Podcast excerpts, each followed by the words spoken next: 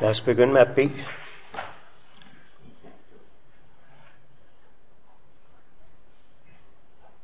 Herre, du som er al trøsts Gud. Du som trøster os i al vor elendighed. Nu beder jeg om, at du må række os trøsten fra himlen. Og særligt beder jeg for dem, der kanskje sidder i mørket med den tanken, Gud har glemt mig. Og jeg beder om, at du vil se i nåde til os. Og at du vil række os din trøst. Amen.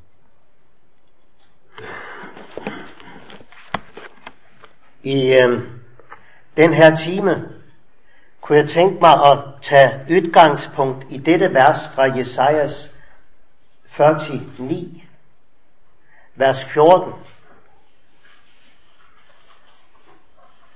hvor der står slik, Sion sagde, Herren har forladt mig. Herren har glemt mig.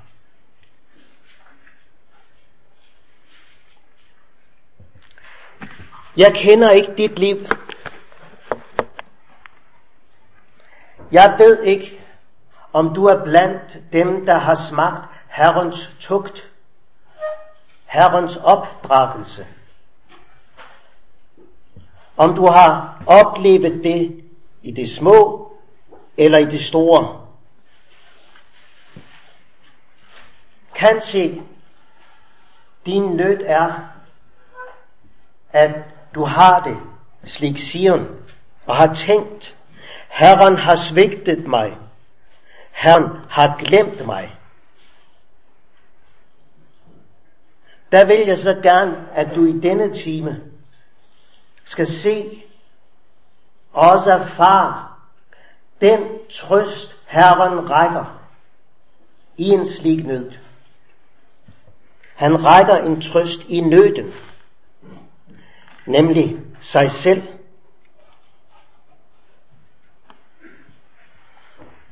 Når vi er nødt af den ene eller andre arten, der spejder vi ofte efter en udgang af denne nød. Det, der er så stærkt og forunderligt, det er, at Herren rækker en trøst i nøden, nemlig sig selv. Øhm,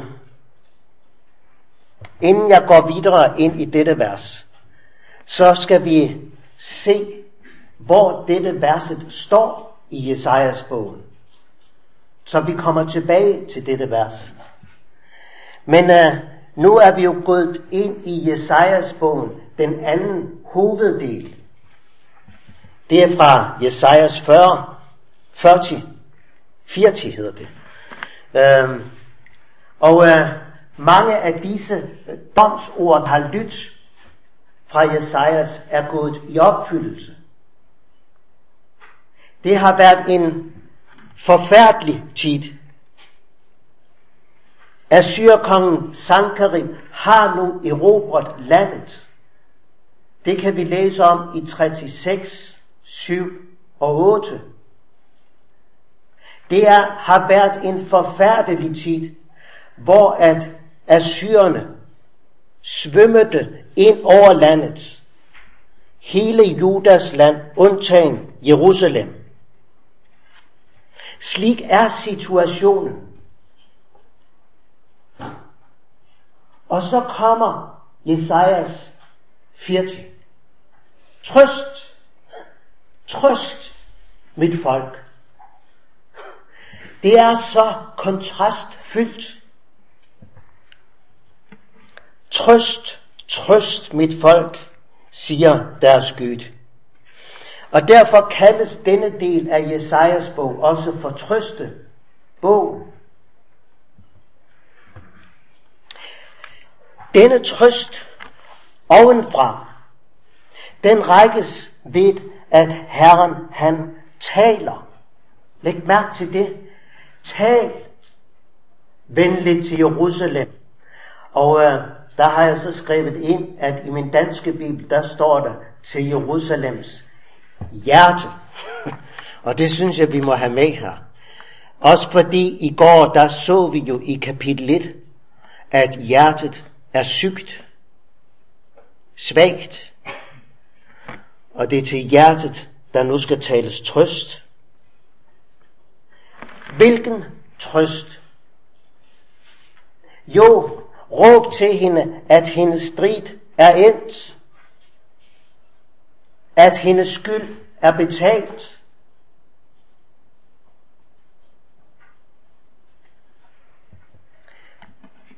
Striden er endt. Du som kender kampen mod din egen syndige natur. Og djævlen og verdensånd. Og hvor det forunderligt. Striden er endt. Der er et sted, hvor striden er endt. Nemlig der, hvor din skyld er betalt. Hør, det er som, hør, der er en, som siger råb, og en anden svarer, hvad skal jeg råbe? Alt kød er græs, og alt dets herlighed som blomst på marken. Græsset bliver tørt, blomsten visner. Når Herrens ånde blåser på det, ja sandelig, folket er græs, græsset bliver tørt, blomsten visner. Men hvor Guds ord står fast til evig tid.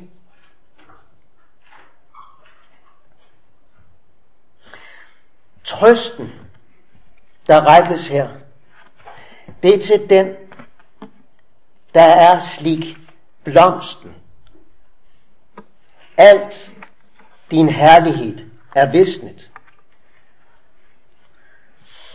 Og øh, når alt falder omkring dig, ja, kan sige, du selv falder i striden, og din skyld vokser,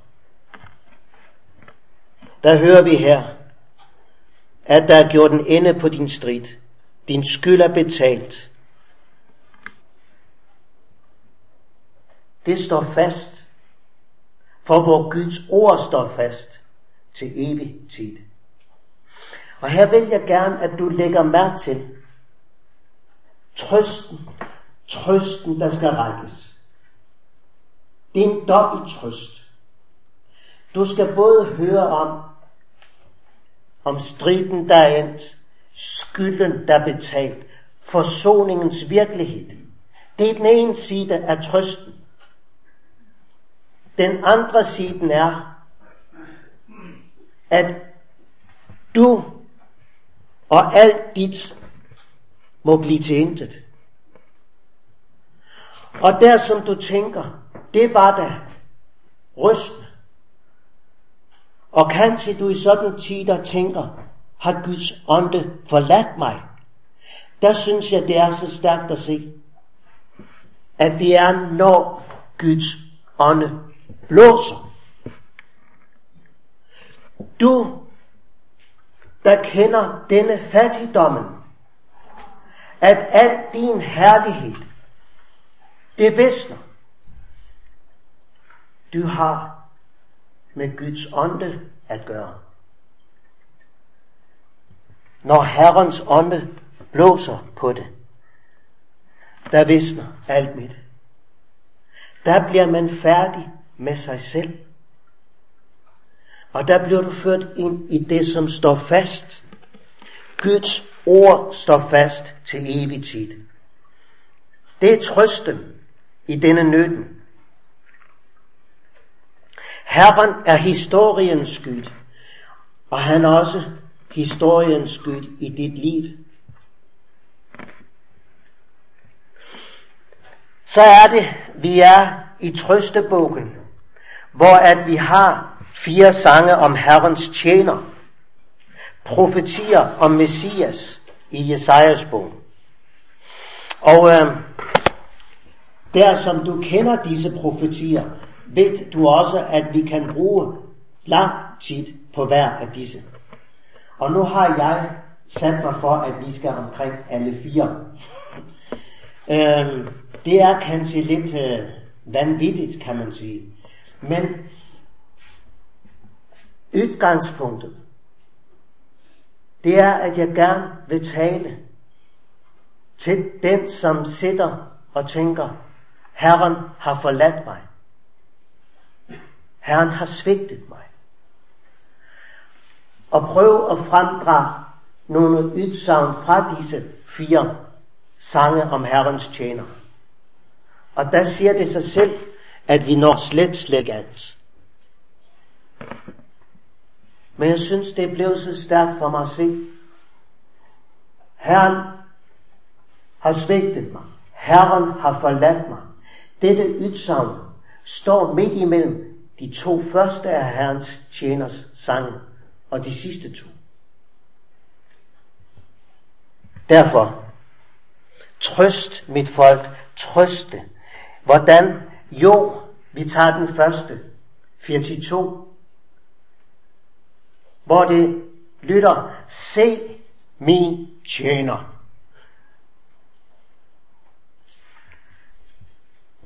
Du som trænger til trøst, du trænger til at se. Du trænger til at se ham, Herrens tjener, som jeg støtter, min udvalgte, som min sjæl har velbehag i. Kan du huske, hvornår det var, at det lød over Jesus? Dette er min elskede søn, i ham har jeg fundet velbehag. Det var, da han bekendte din søn som sin i Johannes stod, og steg ned i Jordan, og sagde til Johannes, lad os nu opfylde al retfærdighed. Ved at Jesus bekendte din og min synd som sin. Og da han steg op derifra, lød der en røst fra himlen. Denne er min elskede søn. I ham har jeg fundet velbehag. Pointen er, at Gud har fundet velbehag i ham og dem han repræsenterer. Trøst, mit folk. Gud har velbehag i dig, som ser Jesus. Du som ikke kan undvære ham, fordi du er slik du er. Min sjæl har velbehag i ham og dem han repræsenterer. Og vi hører, at ånden kom over ham. Jeg lægger min ånd på ham. Og Johannes siger, se, der er Guds lam, der bærer verdens synd. Han, der ikke kendte til synd, blev gjort til synd for os, for at vi skulle blive Guds retfærdighed i ham. Han skal føre ret ud til hedningefolk. Jeg, Herren, har kaldt dig i retfærd og taget dig ved hånden. Jeg vil værne dig og gøre dig til en pagt for folket, til et lys for hedningerne, for at du skal åbne blindes øjne, føre de bundne ud af fangehullet, og føre dem, dem som sitter i mørket, ud af fængslet. Herren har kaldt dig i retfærd, og han bringer ret. Trøst, trøst mit folk, som kanskje tænker, Herren har forladt mig fordi jeg er slik jeg er. Se, han bringer ret. Og din ret, din retfærdighed er i ham. Når Gud erklærer et menneske retfærdigt, slik vi læser om det mange steder i skriften, der er det en domsafsigelse, som sker i himlen med hensyn til dig i dit forhold til Gud. En domsafsigelse. Når Gud erklærer dig retfærdig, sker der to ting. Ansvaret for det du er og har gjort, det blev lagt på hans søn. Han bekendte din søn som sin, og bar vores sønder op på korset. Ansvaret for det du er og har gjort i hele dit liv. Ansvaret blev lagt for ham. Og jo ikke kun ansvaret. Sønnen, han blev gjort til søn. Det er den ene side. Den andre siden er, at det Jesus er, og det liv han har levet, bliver dit ved, ved tilregning. Slik er det, når Gud erklærer et menneske retfærdig. Så når det gælder dit forhold til Gud, hvordan har du det med Gud? Der skal du ikke kigge ind over. Der skal du tjekke pakten. Hvad står der i pakten, i aftalen? Der læser du om ham, Herrens tjener. Han er et lys ind i dit mørke. Han kan åbne blindes øjne. Og jeg sad i dag her og blev så glad for det som prædikant. Jeg kan ikke åbne dine øjne. Og jeg synes, det er noget af det, der gør det så vanskeligt og ydmygende som prædikant. Jeg kan ikke åbne dine øjne. Men han kan. Derfor må du lytte til ham. Synge om ham. Og kan du ikke synge, så læser du disse sange om ham. For det er derved, at dine øjne bliver rettet mod ham, så du ser ham. Han fører de bundne ud af fangehullet, og dem, som sidder i mørket, ud af fængslet. Derfor, se min tjener. Dette var den første trøsten. Også til dig, som kanskje tænker, Herren har forladt mig, fordi jeg er, slik jeg er. Se min tjener. Han bringer ret. Den anden sang møder vi i Jesajas 49. Og igen nogle få vers derifra. Så siger Herren, på den tiden, som behager mig, og øh, på dansk, der, der står der altså, i nådens tid. Bønhører jeg dig. På den tiden, som behager mig, bønhører jeg dig. I nådens tid kan det altså også oversættes. Bønhører jeg dig, og på frelsens dag hjælper jeg dig. Nu har jeg fokus på dig, der kanskje har det som Sion, der siger, Herren har svigtet mig, Herren har glemt mig. Og noget af mørket kan være også i forhold til bønnen.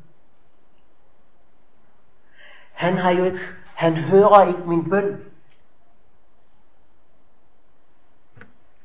Og der tænkte jeg, hvilken trøst Ja, trøst er der så at høre om, at Herren i nådens tid bønhører sin tjener. Hvilken trøst er det, når jeg sitter med erfaring af, at han hører ikke min bøn. Nu går jeg ikke ind i, hvorvidt denne erfaring er sand, men du kan sætte med den oplevelse. Han hører ikke min bøn. Hvilken trøst, ja trøst er der i dette udsagn, at Herren siger, i nådens tid bønhører jeg dig, og på frelsens dag hjælper jeg dig.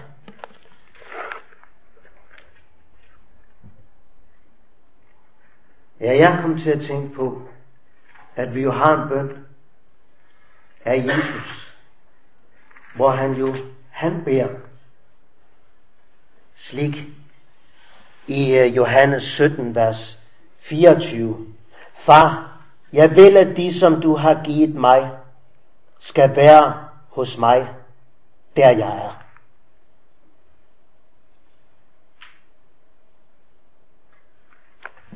Den bøn, den hører Gud, Gud. For i nådens tid bønhører jeg dig. På fredsens dag hjælper jeg dig. Jeg vil bevare dig og gøre dig til en pagt for folket. Der har du det igen. Også når det gælder bønslivet, der skal vi føres ind til pagten. Ham, der er pagten. Det kan ikke rokkes. Det står fast. Du som ejer nåden i vor Herre Jesus Kristus. Du skal vide, han, hans bøn er hørt. Den bøn, at de Gud har givet ham, skal være hos mig, der jeg er. Du kan sidde med en oplevelse af, Gud har forladt mig. Men din himmelske ypperste præst beder. Og hans bøn er hørt. De skal være, hvor jeg er. Til de fangne siger han, gå ud, og til dem, som er i mørket, kom frem. Det er friheden. Vi spejder efter udgang af vores nød. Og når Gud skal trøste os, så fører han os hen til ham. Jesus, sin tjener. Der føres de fangne ud til dem, som er i mørket. Kom frem.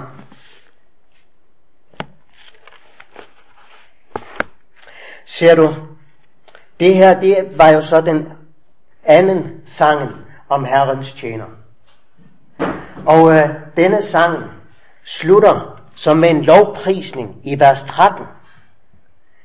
Juble, der himmel. Fryd dig, du jord. Der fjeld brydt ud i frydesang. For Herren trøster sit folk, han forbarmer sig over sine elendige eller sine hjælpeløse. Denne lovsang bryder frem efter nu den andre sang. Jubel, fryd, der er fjeld brydt ud, ud i frydesang. Er det ikke underligt, at der tales til skaberværket? Der som var her i går, kan huske disse ord, himmel og jord, som Moses kaldte til vidne, og som Jesajas begynder sin bog med, hør der himmel, lyt du jord. Og det er nu disse vidner, der bryder ud i lovsang. Og vi kender også tanken i Romerbrevet, hvor Paulus taler om, at selv skabning længes efter Guds børns øh, forløsning. Og jeg synes, det er blevet så stærkt for mig. Tænk sig, skaberværket ved, at der er en Gud og længes efter Guds børns forløsning. skal du menneske, der være den eneste af Herrens skabninger, der ikke priser ham. Det blev jo et mægtigt kald. Også i dette. For Herren trøster sit folk. Der har du ordet trøst igen. Hvordan gør han det? Jo, han forbarmer sig over sine elendige, sine hjælpeløse. Når du møder udsagn om Guds barmhjertighed, der må du tænke på, at dette udsagn rummer den virkelighed. At Gud han ser din nød, og lægger denne nød på sit sind, med henblik på handling, med henblik på at gribe ind, når han ser tiden er til det. Er det ikke underbart, at vi har en Gud, der kan se og se og også lægge din nød på sit sind. Også selv om du tænker, han griber ikke ind. Det gør han, når han ser, at tiden er til det. Men den nød, du bærer på, bærer han på, for han er barmhjertig. Vores Gud er ikke nogen træfigur eller et figur af sten. Han er en Gud, som lægger din nød på sit sind, på sin barn. Han forbarmer sig over sine elendige og sine hjælpeløse. Slik lytter altså lovsangen efter den andre af Herrens tjenersange. Og så er det, vi kommer til verset, Jesajas 49, vers 14. Men Sion sagde, Åh, hvor det kontrastfyldt. Herren har forladt mig. Herren har svigtet mig. Og kanskje der er nogen i denne forsamling, der ikke kan synge med på lovsang. Du skal vide for det første, at når du har det slik, at du ikke kan synge med på, her, på lovsangen, der er du ikke smidt af holdet. Det er du ikke. Er det ikke forunderligt, at vi er midt i trøstebukken, og så er der plads til denne klage. Og Gud siger ikke, væk med dig.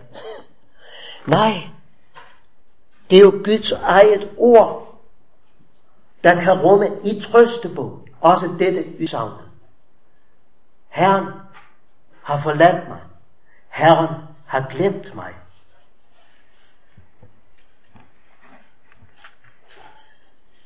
Kanskje nogen af dere har det slik. Her får vi et blik ind i anfægtelsens mørke. Når troen sættes på prøve. Når man erfarer elendigheden eller hjælpeløsheden, der kan den tanken snige sig ind. Ja, for det er jo bare en tanke. Man tør ikke at sige det til andre. Mund, Herren har forladt mig.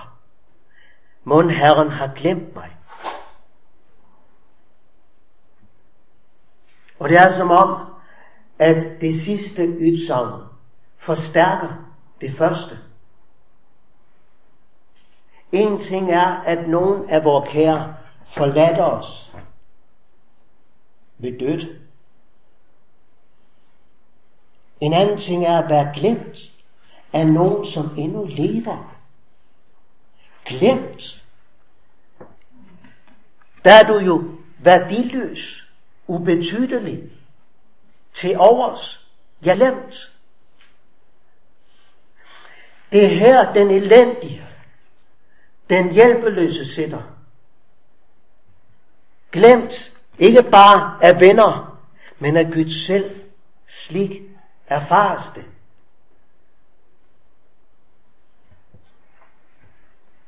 Det kan være, at nogen af deres sitter med den følelse, at det er overskriften på dit liv, dine år. Gud glemte mig. Og et forfærdeligt mørke. Årsagen til denne følelsen kan være forskellig. Øhm, når Guds barn de oplever sygdommens smerte, eller sindets mørke dage, der kan livet opleves uudholdeligt. Altså ikke til at holde ud. Ingen kan hjælpe. Og jeg mødte en i sidste uge, der fortalte om, at hun har gået fra helsehus til læge og tilbage og frem og tilbage med sin sygdom. Ingen kunne hjælpe. Og kanskje man har bedt og bedt. Der er man magtesløs. Har Herren forladt mig? Har Herren glemt mig? Det kan være den ene vinkel i anfægtelsens mørke. En anden vinkel er, når du erfarer din gamle syndige natur, som igen fører din hånd, dit øje, din fod til fald. Og igen sniger tanken sig ind, om Herren af den grund nu vil glemme mig. Ikke længere vil have med mig at gøre. Og det er et forfærdeligt mørke for den elendige at være der for den hjælpeløse. Som sagt, jeg kender ikke livet dit. Men nu skal du lægge mærke til, hvordan Herren, han kommer den til hjælp, der sidder her. For um, han stiller to spørgsmål. Eller i den danske udgave er det to spørgsmål, og nu har jeg formuleret også jeres oversættelse som to spørgsmål. Inden vi læser disse to spørgsmål, der vil jeg gerne opmuntre dig til, at når du møder spørgsmål i den hellige skrift, der stanser op. Overvej spørgsmålet. Slik respekt synes jeg, vi må have i forhold til Gud. Når han stiller et spørgsmål, ja, der må du da svare. Ikke? Altså nogle gange, disse små purker, som kan rende rundt her. Øhm, hvis, hvis forældrene spørger, har du ryddet op på dit værelse? Vi var inde på det eksempel i går. Har du øh, gjort rent, ryddet op på dit værelse?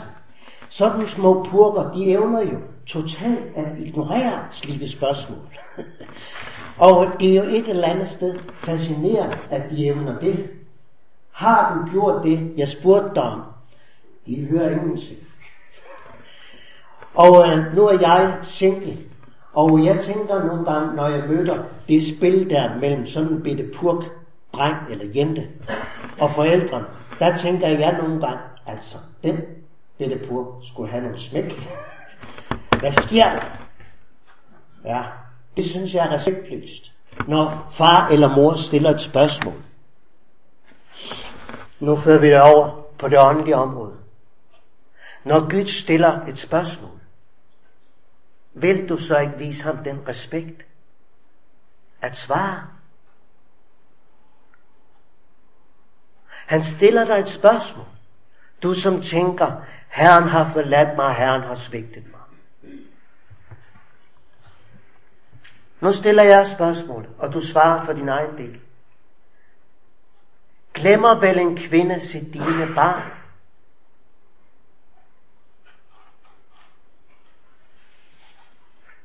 Forbarmer hun sig ikke over sit livs søn?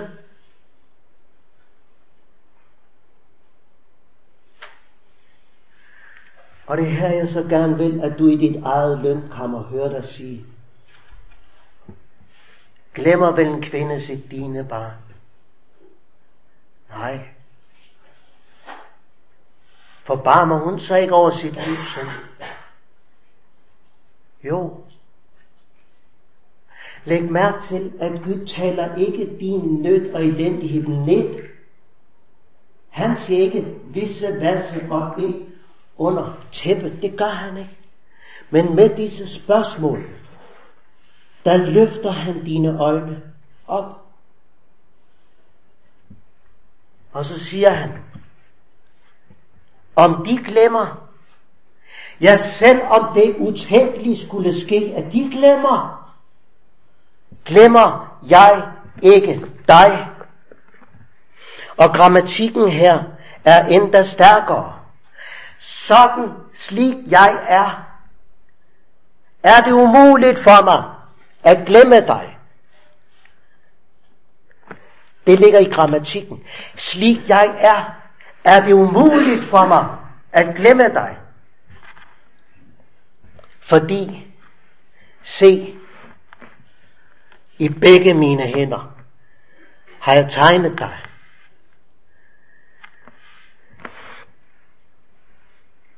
Det var normal praksis, at en slave havde indskrevet sin herres navn i håndfladen.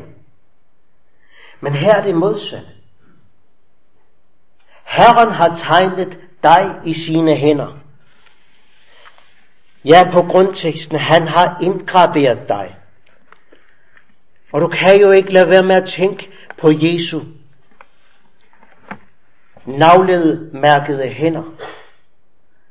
Disse mærker var navlerne, bærer han jo i sin opstandelse. Han møder jo Thomas efter opstandelsen og siger, ræk din finger frem. Her er mine hænder. Du er indgraveret i hans hænder. Og når dit blik vendes mod den korsfæstede, ja, der er det umuligt, fuldstændig umuligt, at Herren skulle kunne glemme dig. Ja, han skal jo hugge sine hænder af, for at kunne glemme dig. Se, i mine hænder har jeg tegnet dig. Og ser du, nu er vi som sagt midt imellem første og anden af Herrens tjener. Og der er det som om, at netop dette perspektivet med de naklemærkede hænder kommer tydeligere og tydeligere frem i de næste to af Herrens tjeners sange her. Øhm, og det bliver som garanti for, at det her, det står fast. Den tredje sang i 50, Jesajas 50, hører vi, Herren, Herren har givet mig en discipletunge, så jeg skal kunne styrke den trætte med mine ord. Hvordan styrke den trætte med sine ord? Kun nøjes vi med vers 6. Min ryg bød jeg frem til dem, som slog. Mine kinder til dem, som rykkede mig i skægget.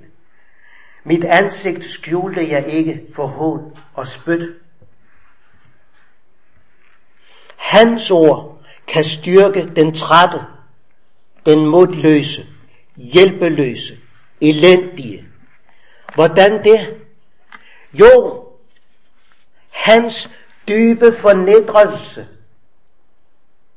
råber til dig, der sidder i dødens mørke og skygge. Råber om, at jeg, Herren, Israels Gud, din Gud, steg ned i det mørke, som intet menneske på jord kender til. Han steg ned, ned i helvedes mørke. Det er som Herrens tjener siger, jeg har været der. Jeg ved, hvad du taler om. Det er trøsten, hvormed han kan styrke den trætte med sine ord. Jeg har været der. Se mine hænder. Du er indgraveret der. Han har ikke forladt dig. Han kan ikke glemme dig. Du som ser disse hænder. Og netop dette perspektiv kommer jo frem i den stærkeste af disse messianske profetier om Jesus stedfortrædende lidelse og død, som vi kender det fra Jesajas 53. Igen nøjes vi med nogle få vers her. Vi læser vers 4 til 6. Sandelig, hvor sygdomme har han taget på sig, og hvor piner har han båret. Men vi agter ham for i plaget, slået af Gud og gjort elendig. Men han blev såret for vores overtrædelser, knust for vores misgerninger. Straffen lå på ham, for at vi skulle have fred, og ved hans sår har vi fået lægedom. Vi får alle vild som får, vi venter os hver til sin vej, men Herren lod den skyld, som lå på os alle, ramme ham. Trøst, trøst mit folk. Når du tæller kapitlerne i denne trøstebog, fra Jesajas 40 til Jesajas 66, og tæller kapitel for kapitel, der kommer Jesajas 53 i midten. I Jesajas 53, der har vi fem afsnit på tre vers. Og der er disse vers i midten, vi lige har læst. Her er centrum i trøstebogen. Det var vores sygdomme, han har taget på sig. Straffen lå på ham, for at vi skulle have fred. Du som tænker, ja, du som føler, Herren har forladt mig, Herren har glemt mig. Han træder nu frem og siger, se, se mine hænder.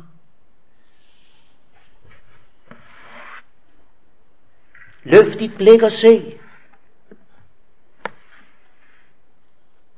Og du spejder efter ytvej i din nød. Og det får du også lov at bede om. Men først og fremmest, og begynder at bede om, at du må se. Det er det, du trænger allermest til. Se, min tjener. Bed om, Jesus, åbn du mine øjne, så jeg må se, hvor rig jeg er. der kan han med sine ord styrke den trætte, den modløse, den elendige. Hvad er størst? Når Gud griber ind med et under og helbreder, eller når Gud med sit ord løfter den trætte, som en i nytte ejer troens frimodighed. Ja, jeg synes, at det sidste er lige så stort under. Nu skal vi stille det ud mod hinanden. Men hvor er det stort, når man møder en bror eller en søster, som i dødskyggens dag ejer denne troens frimodighed, for de ser Jesus. Jeg sad til et seniormøde, øh, ældremøde, hvor at ved kaffebordet, vi sad seks personer. Og øh, ved min side, der sad en søster i Herren, som havde kraft. Det var underligt, for de andre ved bordet siger jo til hende, vi beder for dig. Og hun takker hjerteligt. De andre virker en anelse nervøse, og det forstår jeg. Men det vidunderlige her, det var, hun siger af hjertet tak, fordi I beder. Og nu skal der høre, hvilket ord jeg fik i dag. Og så sad hun og vidnede om et ord, hun havde fået til frimodighed, til opmund. Hun så Jesus i dødsskyggens dag. Hun blev ikke helbredt, men hun var til stor velsignelse for os med sit vidnesbyrd. Det er jo et under, når denne trøst fra himlen rækkes ned i vores nød. Slik vi møder det i trøstebogen. Gud kan ikke glemme dig. Jesus sårmærker vidner i al evighed om, at synden er sonet. Gælden er betalt. Aldrig vil Gud kunne glemme dig på grund af, at du glemte ham i fristelsens stund. Når synden er dig en pine, en smerte, så kommer han og siger, se mine hænder, jeg bar smerten og pinen for din søn. Når den gentagende synd ydmyger dig, plager dig, og du føler dig elendig, skamfuld, der kommer han og siger, se mine hænder, jeg bar din skyld og din elendighed. Ja, jeg blev plaget, knust for dine misgerninger. Når ulykke, nød kommer på din vej, og du gennem lange bønskampe har råbt til Herren, men Guds indgriben finder ikke sted, og du føler, at Gud har forladt dig, der kommer han og siger, se mine hænder. Der har jeg indgraveret dig. Dine sygdomme har jeg taget på mig. Se mine sår, der er din lægedom. Jeg blev forladt af Gud. Du er Når du i livets lidelser spørger, hvorfor Gud, Herren har svigtet mig, der vidner korset, og hans hænder altid om, at Gud er med dig. Derfor, se, i Herren Jesu hænder, der er du tegnet, der er du indgraveret. Forunderlig virkelighed med denne trøst ovenfra. Nu vil jeg slutte med et citat fra Karl Olof Rosenius. Det er et citat, som øh, har fulgt mig lige siden min ungdom, da jeg begyndte at læse noget af Karl Olof Rosenius. Det har stået på en lap i min bibel i mange år. Netop da, som jeg lå der ikke kunne røre en finger til min frelse, altså der er man magtesløs, når man ikke kan løfte en finger til min frelse. Så kom der en, som havde sår i hænder og fødder, og sagde til mig, du skal leve. Vil du nu erkende, at du intet formår? At jeg er din frelser, jeg er alene. Se mine hænder, se mine fødder. Der ser du din fromhed, dine gode gerninger, dit hellige liv. Amen. Jesus, vi takker dig for, at der er liv i et blik på det blødende Guds lam.